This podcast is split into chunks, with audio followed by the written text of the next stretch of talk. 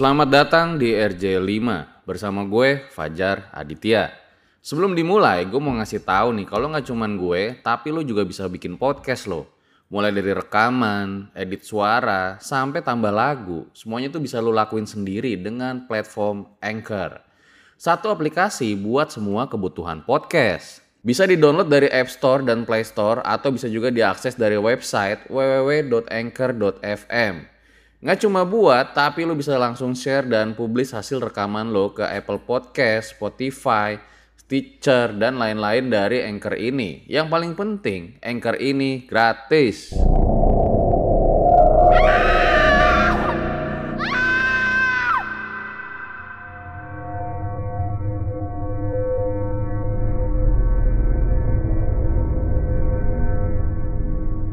jam 2.59 gue tunggu sampai ke jam 3 jadi jam 2.59 gue lihat kan belum ada. Gue tutup korden gue jam 3 gue buka udah ada kelar. Hmm, Enggak, tapi ini serem banget karena ini udah fisik jatuhnya kan. fisik ya. Makanya dan ternyata cakarannya nggak berhenti. Jadi cakaran-cakarannya tuh tiba-tiba ada di punggung ada di badan gitu tiba-tiba dan selalu cakaran yang sama dan pedes banget pedes. Jadi hampir seluruh tubuh lo tuh dicakar. cakar itu sekitar tiga bulan sampai 4 bulan ada kali ya selalu ada cakaran di badan gue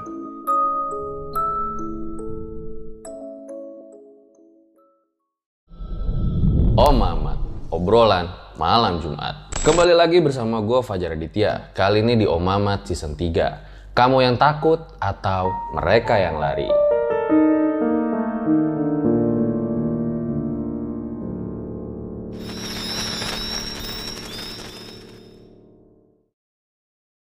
Malam Jumat itu waktunya sama narasumber. Nah, karena kemarin itu udah yang berat-berat mulu, sekarang kita yang santai-santai lah.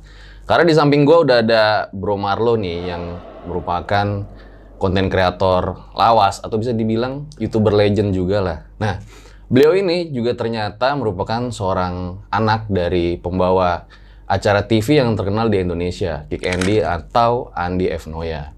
Selamat malam bro. Eh, selamat malam di Om Mamat. nah, apa sih namanya Om Mamat? Enggak, lu dulu tuh jadi konten kreator bikin konten tuh dari tahun berapa? Tahun 2012 kayaknya. 2000 2012 2013 kalau nggak salah. Berarti udah lama banget ya. Gue SMP, woy. gue SMP kelas 1 ya kalau nggak salah. Zaman-zamannya Reja Arab juga berarti ya? Siapa itu? Oh nggak kenal. Gue nggak gitu kenal orang-orang yang so asik. Asik. Iya iya. Nah, katanya lu juga punya banyak pengalaman horor ya? Wah, banyak banget. Biasa aja, nggak, nggak sebaik itu. Tapi gue itu tiga bersaudara, kakak gue yang paling tua itu indigo. Jadi hidup gue kayak udah dipenuhi dengan kehororan deh. Jadi udah hal-hal biasa yang mungkin orang takut buat gue tuh udah hal yang sering terjadi kayaknya. Katanya juga pernah kejatuhan kuntilanak ya? Pernah. Gue pernah kejatuhan kuntilanak. Jadi kayak kuntilanaknya caper kali ya. gue nggak ngerti tapi Apa yang lu rasain saat itu? Oh, sekarang gue udah bisa ketawa. Dulu gue kayak pengen mati rasanya. Karena apa ya? Gue nggak pernah ngeliat yang benar-benar apa ya kayak face to face gitu ya. Jadi ini ini gue cerita ya. Boleh cerita? Eh, nanti apa? aja, kalau lengkapnya nanti aja. Jadi gini. Iya. Iya. Iya. Ya kejatuhan kuntilanak gimana rasanya? Nggak tahu kejatuhan kuntilanak siapa yang nggak tahu gue nggak tahu harus ngerasa apa sih. Intinya Intinya nggak mau lagi lah. nggak mau lagi lah. Mm. Kalau bisa jangan suka kepleset lah. Ganggu orang. So, gue rasa langsung saja berikut adalah ceritanya. Jadi cerita pertama gue, gue gue nggak gitu ingat ya. Eh, ini di tahun berapa? Cuman yang gue ingat adalah gue masih SD, masih bocah. Jadi kejadiannya itu gue sama kakak gue main basket. Jadi gue lagi nginep di rumah saudara di garasi. Itu kalau nggak ada mobil, ada ring basket nggak terlalu tinggi, jadi kita bisa main basket. Nah waktu itu gue lagi nginep emang bukan buat main basket, cuman emang pengen nginep namanya kan kumpul saudara gitu ya, yang kayak kita suka nginep-nginepan Rumahnya tuh di komplek gitu. di komplek daerah Bintaro, Maleo. Seberangnya McD deh pokoknya. Di seberangnya McD Sekbil tuh ada rumah dan di situ tuh gua sama kakak gua nginep di sana. Niatnya kita emang pengen main-main doang.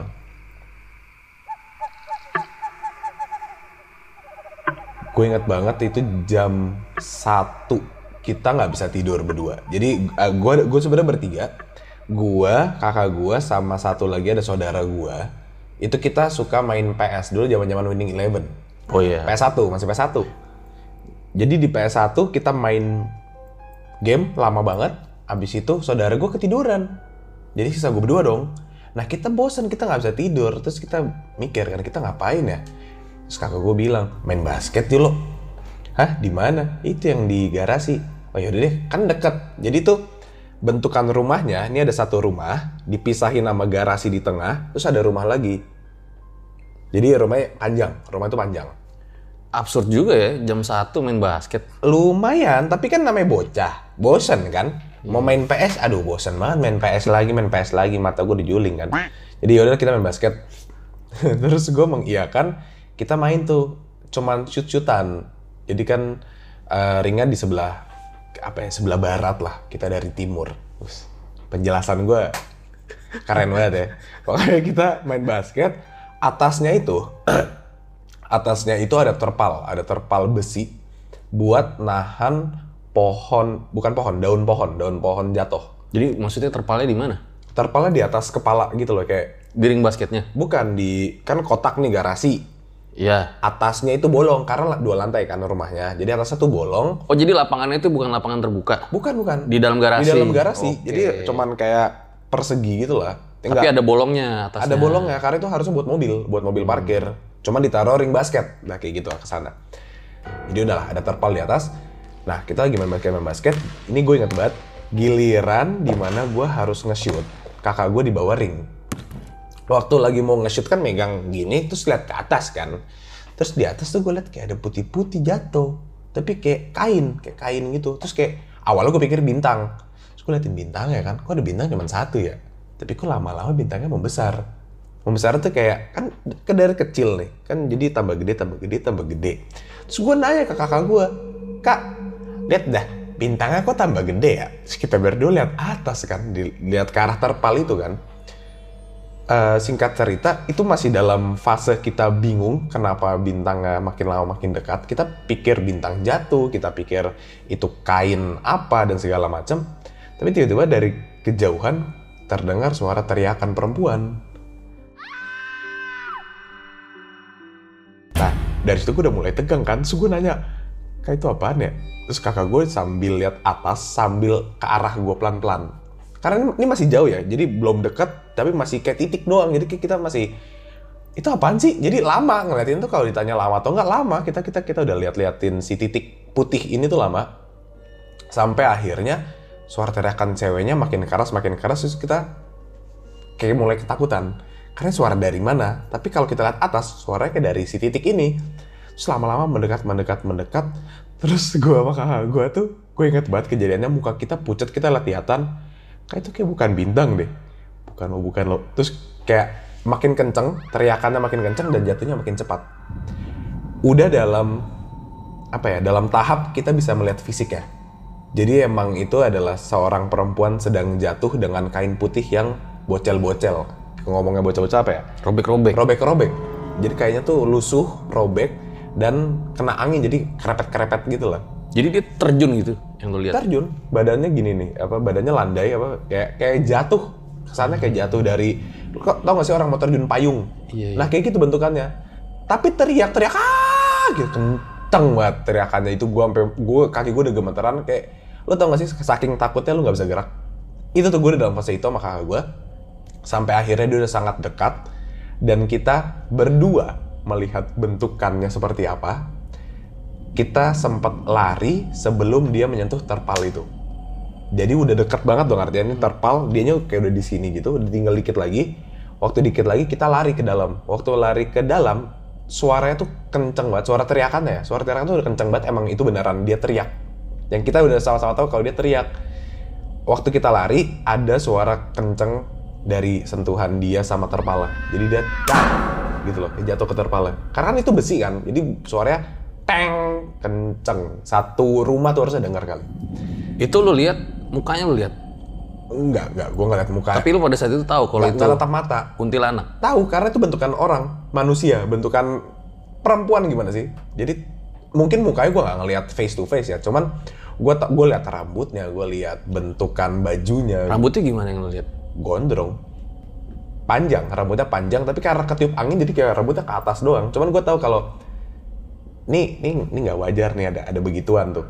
Maksud gue nggak mungkin orang yang ketika pokoknya ketika nyentuh terpal kita lari ke dalam itu ngos-ngosan dan muka kita berdua pucat kita sama sama-sama nanya tadi apaan ya tadi lu lu lihat kan lo kakak gue nanya gitu. Lihatlah kan gue yang nunjuk. Lu denger juga kan dia teriak. Iya gue denger dia teriak gitu. Terus tadi dia nyangkut ya terpal lah. Kan dengan dengan sepanik kayak gitu namanya bocah kan dua bocah nih. Gue sih denger gedebu kenceng kak. Mau ngecek? Nggak usah lo. Kita tunggu besok pagi kita lihat nanti ada apa. Udah kan? Pokoknya dari situ tapi malamnya belum selesai. Setelah ada si kuntilanak nyangkut di terpal ini kita kan ketakutan nggak bisa tidur lagi nggak bisa tidur kita itu posisi di mana gue udah balik ke dalam ke dalam rumah ya di dalam rumah itu di ruang TV ada kayak tahu nggak sih yang tempat buat gue tidur tuh kasur lipat Hmm. nah karena gue tidur bertiga kan gue saudara gue sama kakak gue yang kita suka main PS Nah, saudara gue tuh udah tidur di tempat PS ya. Waktu gue ke sana, kita lagi ngobrolin soal kejadian itu. Masih tegang-tegangnya, masih pucat-pucatnya, masih gemetaran ketakutan. Lagi ngobrolin, tiba-tiba saudara gue nangis di dalam tidurnya. Nangis beneran, gitu-gitu. Terus gue sama kakak gue tambah lihat-lihatan kan kayak, kenapa kak, lu bangunin nih? Ngomong, lu aja bangunin. Gimana kalau kita agak menjauh? Jadi saudara gue, gue tinggal di ruangan itu, kita agak menjauh sedikit ke arah sofanya. Kakak gue bilang, kita tidur aja lo. Coba paksa merem aja. Jangan cari eh, unsur dari suara apa itu yang tadi barusan gitu. Yaudah, gue tidur. Di saat gue tidur, pagi-pagi gue kebangunkan. Kakak gue ngomong, lo lu kemarin udah tidur duluan dan ninggalin gue. Kenapa? Gue kebelet kencing. Lah terus, kenapa nggak bangunin? Gue udah bangunin tapi lu nggak bangun-bangun. Terus lo kencing nggak? Kencing. Ya udah. Terus kenapa? Kencing sih, tapi waktu kencing ada yang jongkok di ujung. Nungguin gue keluar toilet. Jadi dia lama dalam toilet. Jadi ad- toiletnya tuh kayak misalnya ini ini pintu. Ini tuh ada tangga ke atas. Tahu kan toiletnya yang ke bawah Ah, iya, gitu. iya. Jadi di bawah tangga tuh ada selak. Nah itu buat rak sepatu. Nah kata kakak gue waktu dia ke toilet, ada anak kecil yang duduk di bawah tangganya.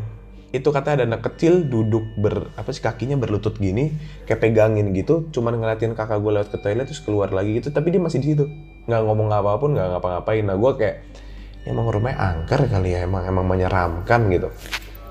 Habis singkat cerita, udah pagi, paginya normal, kita eh, hanya berdua ini yang tahu tentang kejadian malam itu. Dan dengan ada si Kunti ini jatuh satu orang rumah nggak ada yang mendengar suara apa pun. Sampai akhirnya ada pembantu yang nanya pembantu rumah itu yang nanya kemarin kalian main basket ada suara kencang banget apa ya? Hmm itu itu bukan kami itu setan itu setan Jadi ART-nya dengar. Bukan eh, satu. Jadi ada dua apa tiga gitu. Dan ada orang-orang rumah baik ada kakeknya, ada neneknya nggak ada yang dengar. Cuma ada satu orang yang dengar. Kejadian persisnya itu. Jadi gue gue cerita dong ke sini. Tapi nggak ada yang percaya jadi ya udahlah. Tapi semenjak itu gue nggak pernah mau nginep lagi di rumah itu.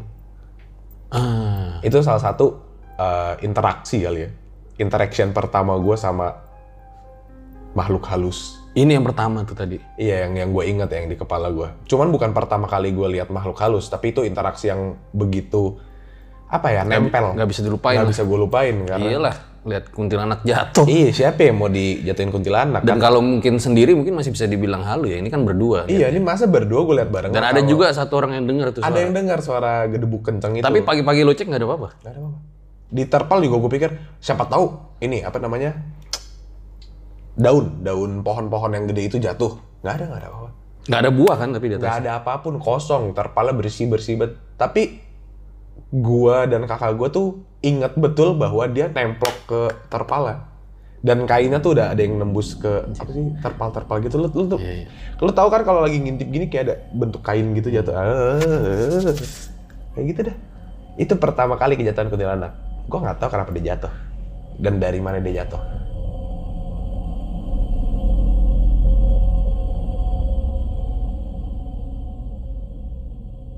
Setelah ini ada lagi pengalaman yang mungkin nggak bisa lo lupain. Sebenarnya banyak karena gua itu balik lagi ke keluarga yang cukup mistis karena kakak gue indigo kan. Jadi gue hidup dengan makhluk-makhluk yang tidak bisa dilihat itu sudah sangat biasa.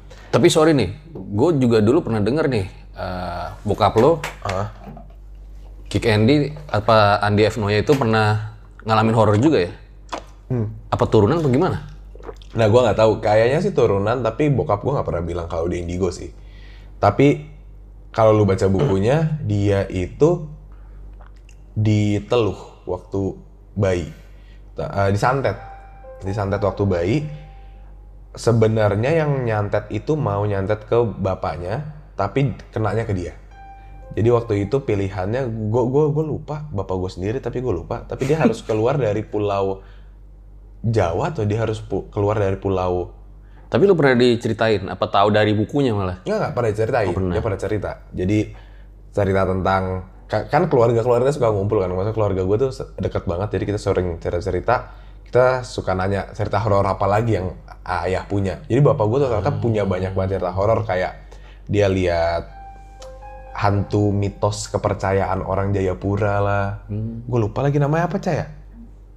Yang ayah lihat Suwangi. Suwangi, Suwangi, Suwangi apa? Suwangi ya kalau nggak salah. Bokap gue tuh pernah lihat bentukan Suwangi di dalam hutan itu dia dia pernah lihat. Makanya gue beberapa cerita ini udah gue pernah ceritain di podcast gue sama kakak gue. Karena kita pernah ngajak uh, kakak gue yang indigo dan mengajak bokap gue buat cerita-cerita hal-hal mistis seperti ini. Jadi kayak most of it udah gue ceritain. Cuman mungkin di sini kesempatan ini gue mau cerita lebih detail kali ya. Tapi ini seru nih kali nih, besok collab tiga sama bokap lo kali seru ya? Nggak, bokap gue bayarnya mahal. Nggak bisa ya? nggak bisa. Kan kalau ini kan gue nggak dibayar. Dan dan nyusahin tempatnya. Jadi kayak apalagi bapak gue oke lanjut ke cerita kedua gue sedikit background story dulu kali ya. Jadi di keluarga gue itu kakak gue yang paling gede kan indigo tuh sebenarnya itu kayak nurun ke gue cuman waktu kecil dihilangin sama pendeta gitu deh kayak kayak mata batinnya ditutup gitu.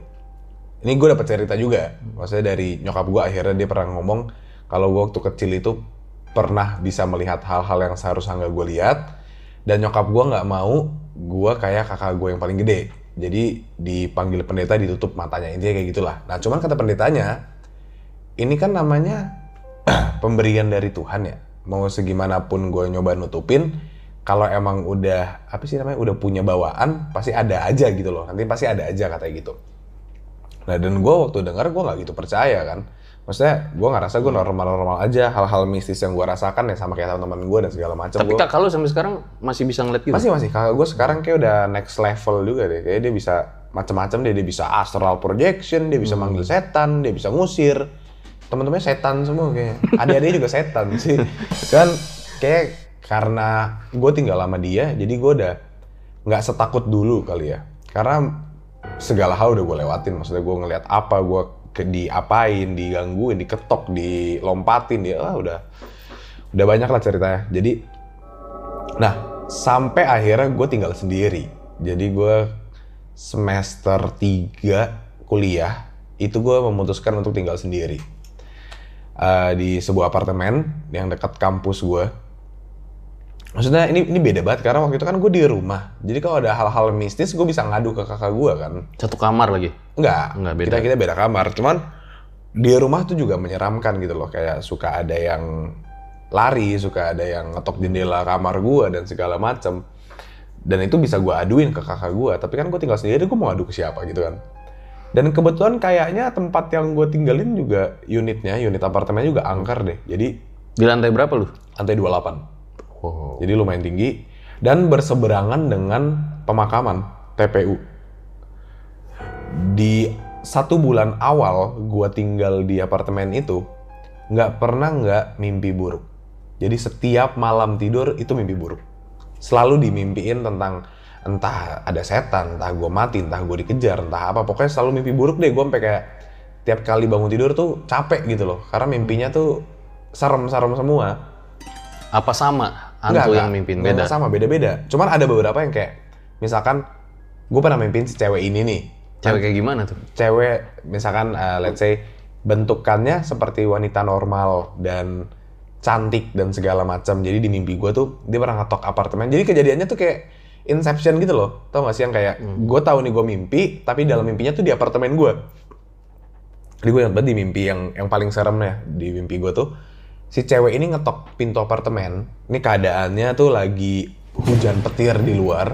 Terus dia ngetok pintu apartemen, gue buka dan gue tahu bahwa perempuan ini tuh nggak bener, bukan nggak bener, maksud gue nggak beneran, bukan manusia.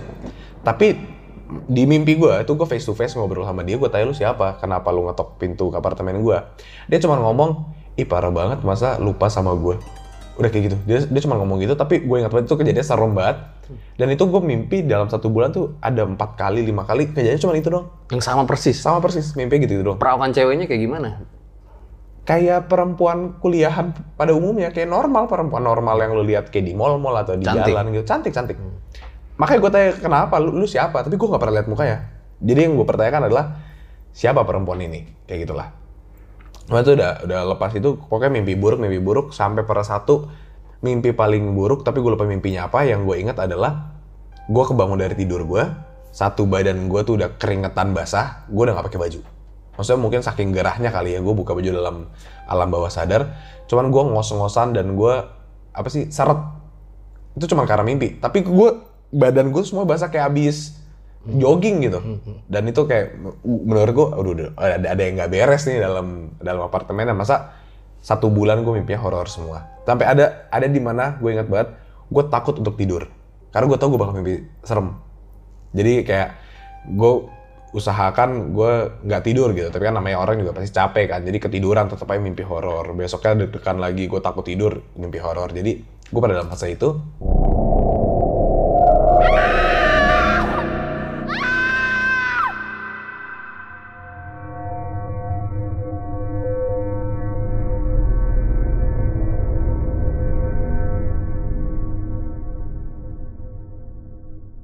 Hai, sebelum lanjut, kenalan dulu yuk sama partner misteri gua. Namanya Anchor. Anchor ini adalah all-in-one podcast editing platform yang membuat gue lebih mudah untuk rekaman, edit suara, tambah lagu, dan segala hal dalam pembuatan podcast yang sedang kamu dengerin kali ini. Anchor bisa ngebantu kamu bikin podcast kamu sendiri. Caranya tinggal download dari App Store dan Play Store. Atau bisa juga diakses di www.anchor.fm. Jadi download Anchor sekarang juga.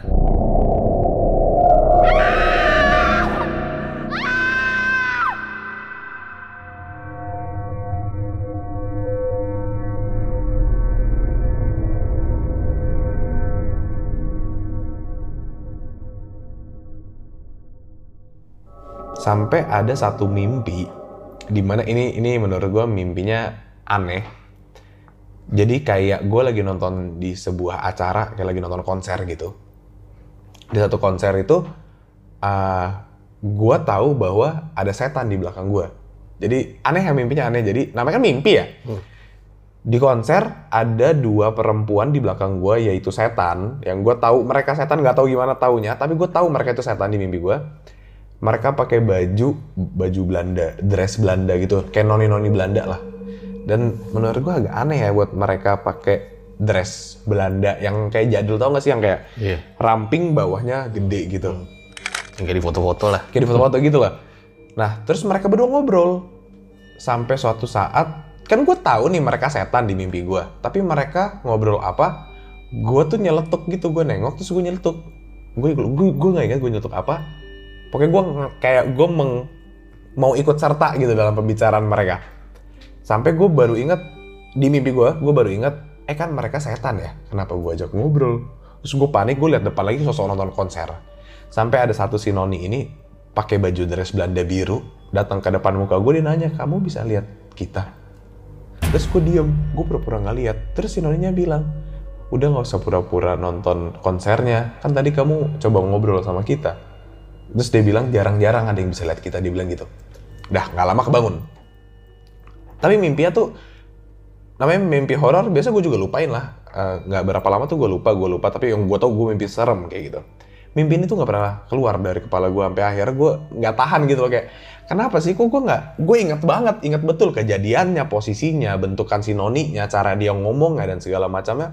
Gue tanya ke kakak gue yang indigo dong kak kok gue aneh ya? Gue dimimpiin sama noni-noni Belanda berdua pakai bajunya biru sama ungu apa apa kalau nggak salah. Pokoknya mereka berdua tapi gue tahu mereka setan. Dan terus si salah satu noninya nanya "Eh, kamu bisa lihat kami ya? Kayak gitu. Gue tanya ini mereka siapa ya? Kenapa gue dimimpin kayak gini? Terus kakak gue tiba nanya bentar ya nanti gue chat lagi gitu katanya. Nggak lama dia ngechat lagi. Lo lu tinggalnya dekat pemakaman ya? Ini gitu kan. Karena eh, kakak-kakak gue nggak pernah ke apartemen gue sampai dia nanya lu tinggal dekat pemakaman ya? Gue bilang iya seberang seberangan emang kenapa oh nggak apa-apa tadi gue ke sana ngecek taunya si noni noni ini dari pemakaman seberang. Dia bilang gitu. Suka tanya kenapa? Kenapa datang ke mimpi gue kagak cuma numpang lewat tapi kebetulan lu nyaut katanya. Jadi diajak ngobrol. Jadi salah gue harusnya gue nggak nyaut. Jadi kayak astral projection gitu. Iya, Tapi jadi- lu nggak sadar. Eh, gue nggak tahu gue yang asal projection apa gimana tapi kata kakak gue emang beneran ada noni di Belanda. Di kamar lu? di, di kamar gue mampir. Ah. Jadi bukan mereka emang yang kayak apa sih? Kalau orang tuh bilangnya yang nempatin gitu ya, yang nguasain kamar gua enggak. Mereka cuma numpang lewat.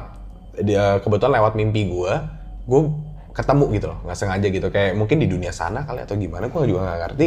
Tapi yang gua tahu gua nggak bisa astral projection, jadi gua nggak tahu itu mimpi atau gua lagi astral atau apa. Tapi gua ketemu sama itu dan itu menyeramkan. Jadi kakak gua yang ngecek ke tempat gua dia pakai skill-skill mitos mistisnya itu segala macem.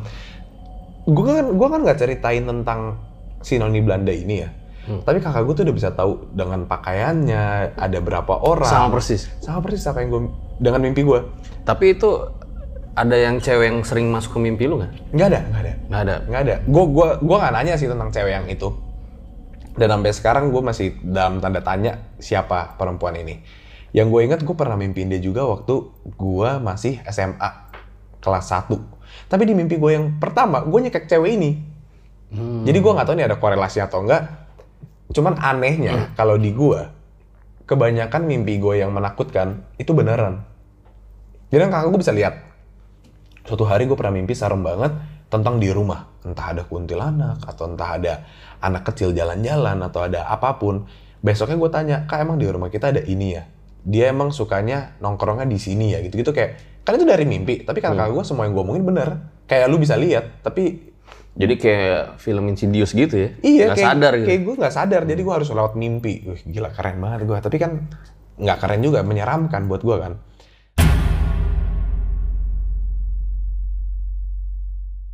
Nah, gue denger-dengar katanya yang menurut lu paling serem itu yang di apartemen ini, pengalaman lu. iya Yang pengen lu ceritain nih iya sekarang. di apartemen ini eh ini apartemen gue yang lama sih sebenarnya Bukan yang ini? Bukan, gue udah Beda pindah. lagi?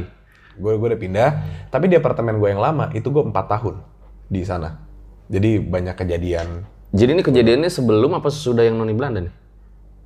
During, during, Eh, sama, sama. Sama. Timetable-nya sama. Tapi setelah?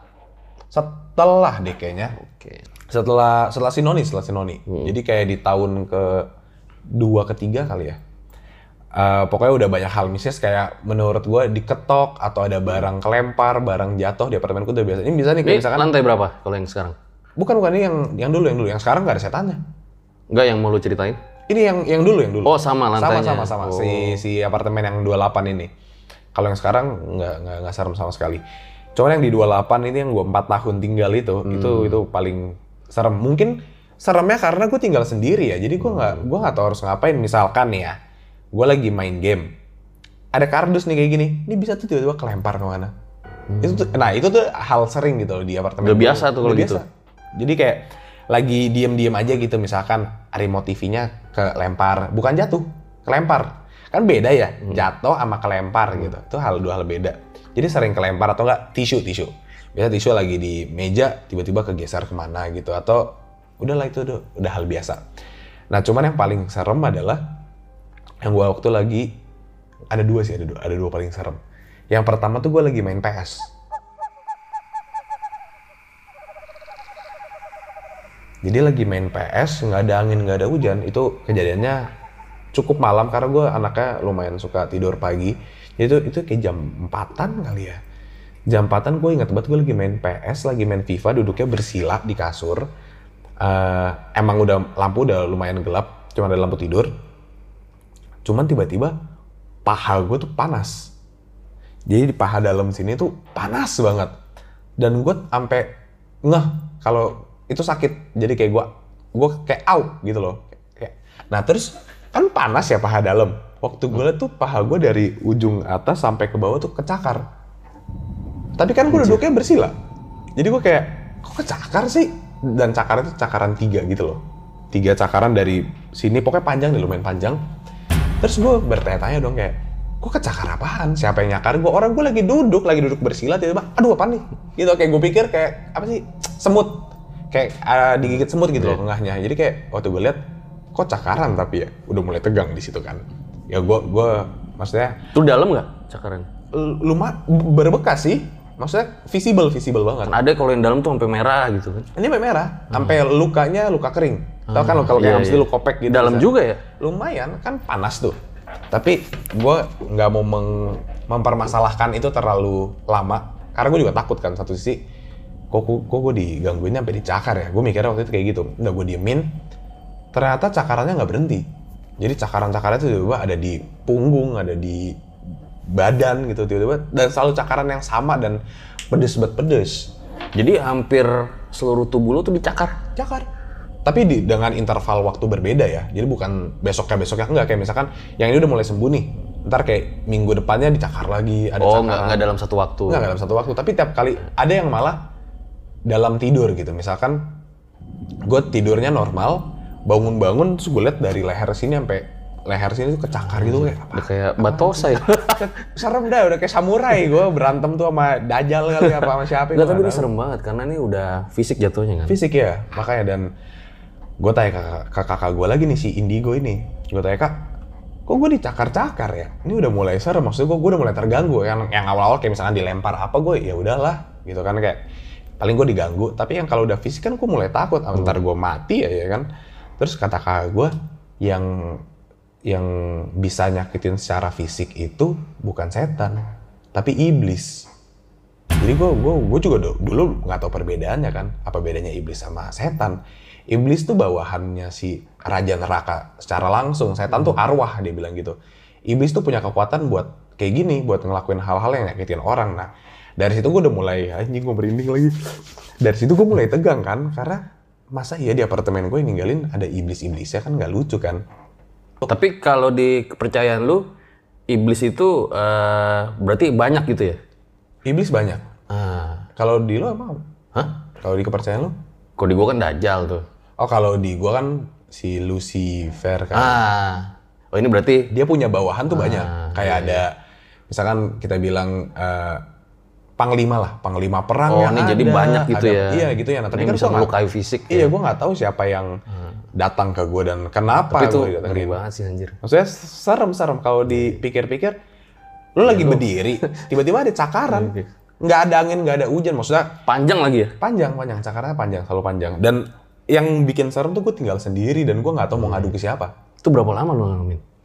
itu sekitar tiga bulan sampai empat bulan ada kali ya selalu ada cakaran di badan gue dan itu tuh gue tunjukin ke teman-teman gue eh masa kemarin gue lagi main FIFA gue dicakar lihat deh Bentar waktu ada makan keluarga gue bilang kakak gue kak gue dicakar lagi di sini misalnya ada di sini belakang atau di mana pokoknya Tapi kakak lu nggak bilang yang sosok itu kayak gimana? Enggak, Nyakar. dia dia dia belum dia nggak lihat sebenarnya jadi setiap kali dia pengen ngecek itu tuh nggak ada nggak ada bentukan si yang nyakar Jadi berarti sakti gitu ya? Iya kayak sakti kayak dia cuma nyakar cabut nyakar cabut kan gue udah kayak lama-lama tai juga anjing sakit tai gitu kan. Cuman ya udahlah itu hal-hal mistis yang gue nggak bisa kontrol juga kan gue nggak tahu cara kontrolnya gimana.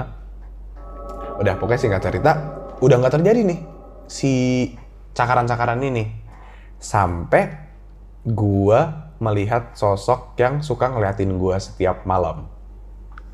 Ini yang ter- termasuk yang paling serem juga nih. Ntar, ini nyambung nyambung. Oh nyambung. Iya, jadi ketika udah nggak ada cakaran, gue ngerasa, oh kayaknya udah nggak ada lagi deh.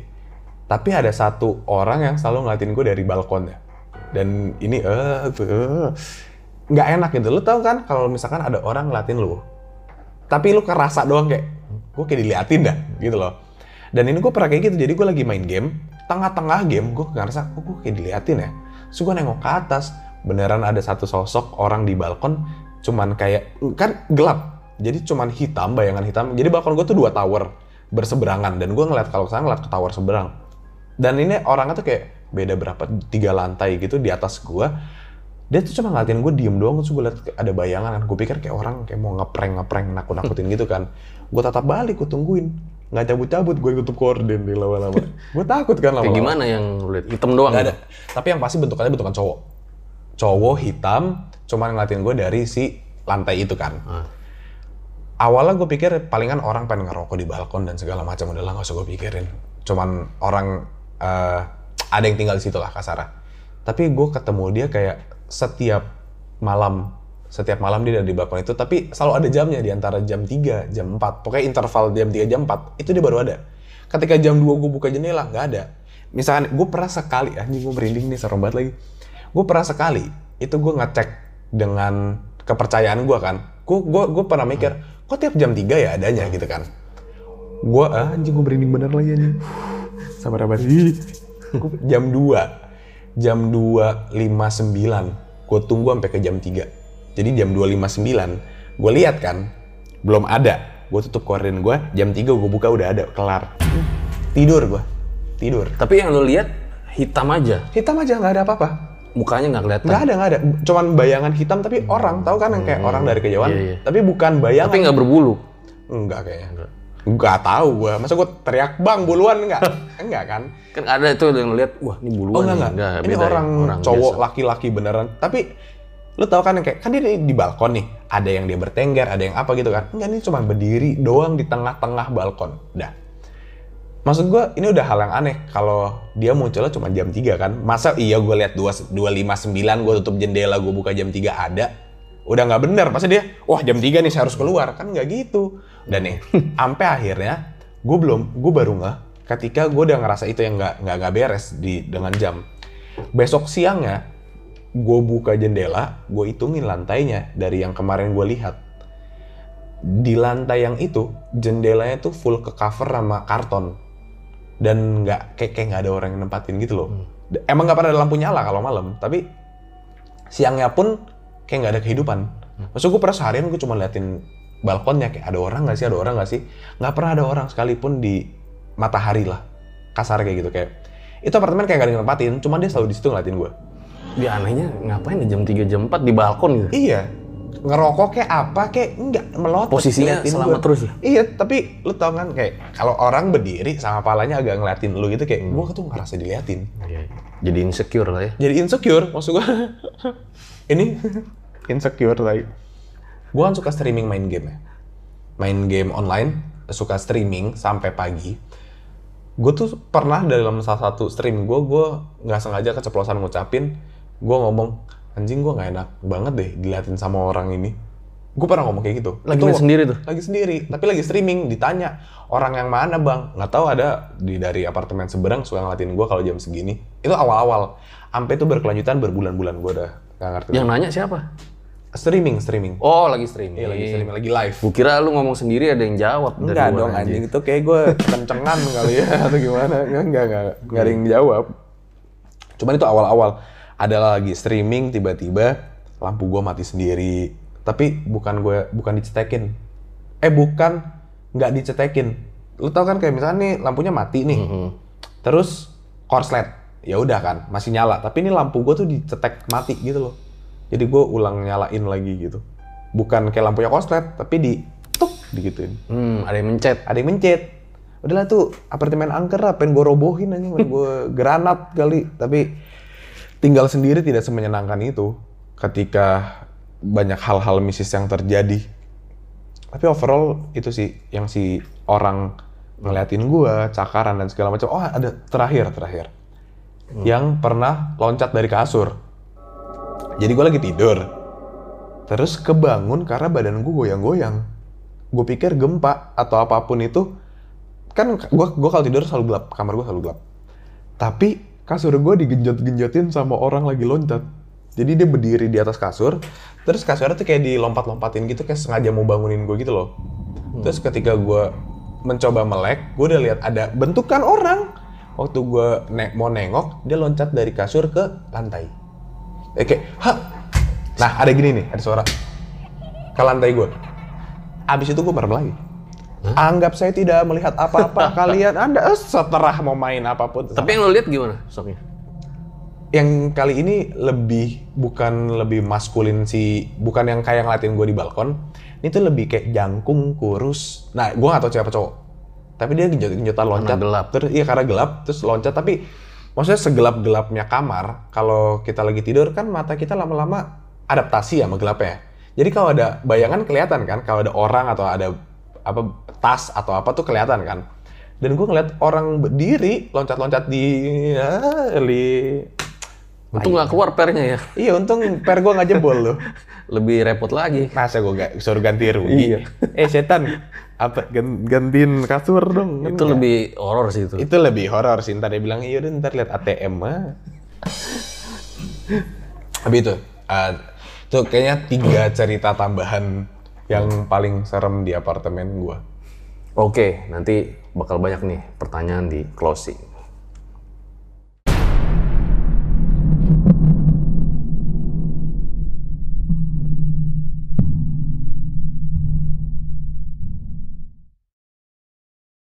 Itu dia guys, sebuah kisah luar biasa banget dari Marlo di mana ternyata kita nggak duga-duga ya. Do ini juga punya pengalaman horor yang cukup serem juga, terutama yang cakar-cakaran itu ya, karena kan udah apa ya menyentuh fisik lah pada saat itu ya. Tapi bro, lu sampai hari ini masih ngalamin kejadian horor nggak sih? Sampai hari ini harusnya maksudnya sampai sekarang, sampai sekarang. masih masih masih ada aja kejadian-kejadian yang seperti seperti Tapi ya nggak seserem. Tapi udah nggak secakar, udah nggak fisik, udah nggak segala macam. Cuman yang kayak barang-barang, bunyi suara, panggilan, tepuk tangan tuh masih ada. Tapi nggak ya nggak seserem yang lu ceritain ini ya. Nggak. Udah, udah, udah nggak. Udah jauh di bawah. Levelnya, levelnya. Dan lu juga menurut gua termasuk orang yang berani sih karena kan ada ya orang yang misalnya tinggal di mana, tahu-tahu ngalamin horor yang kayak gitu, besoknya kan langsung angkat koper biasanya kan. Iya, iya. Enggak, Tapi kalau lu gua bertahan 4 tahun kalau nggak salah ya. bukan betah sih. Cuman kayak sorry banget nih, gue bayar lu kan enggak nih, ya kan? Lu kan nggak bayar unitnya nih, gue bayar, maaf per bulan gitu, Jadi per kena tahun. Masalah Karena itu tuntutan, cuma coba kalau nggak, sama waktu itu sebenarnya gue kuliah kan, deket. Iya, jadi mau nggak mau pertama gue udah enak nyawa di sini, Hmm. terus kuliah gue deket dan segala macam. Kalau pindah-pindah lagi ya udahlah. Maksudnya, gue nggak akan mengalah dengan hal yang nggak kelihatan lah. Ini gue setuju nih sama Marlo nih. Nah, tapi nih nyinggung-nyinggung soal bokap lu nih, Kiki Andy. Gue panggil Kiki Andy aja ya. Bokap gue aja panggil bokap. Iya bokap, lu dah. Nah, Gue udah terbiasa soal itu. Pernah nggak lu satu keluarga ngalamin horor bareng kejadian gitu? Satu keluarga ngalamin. Lagi bareng bokap lu ngalamin kejadian horor bareng gitu? Hmm, enggak deh. Enggak deh. Belum pernah sampai saat ini. Karena emang kan dari media-media yang gue baca kan bokap lu cukup banyak juga emang ngalamin horor.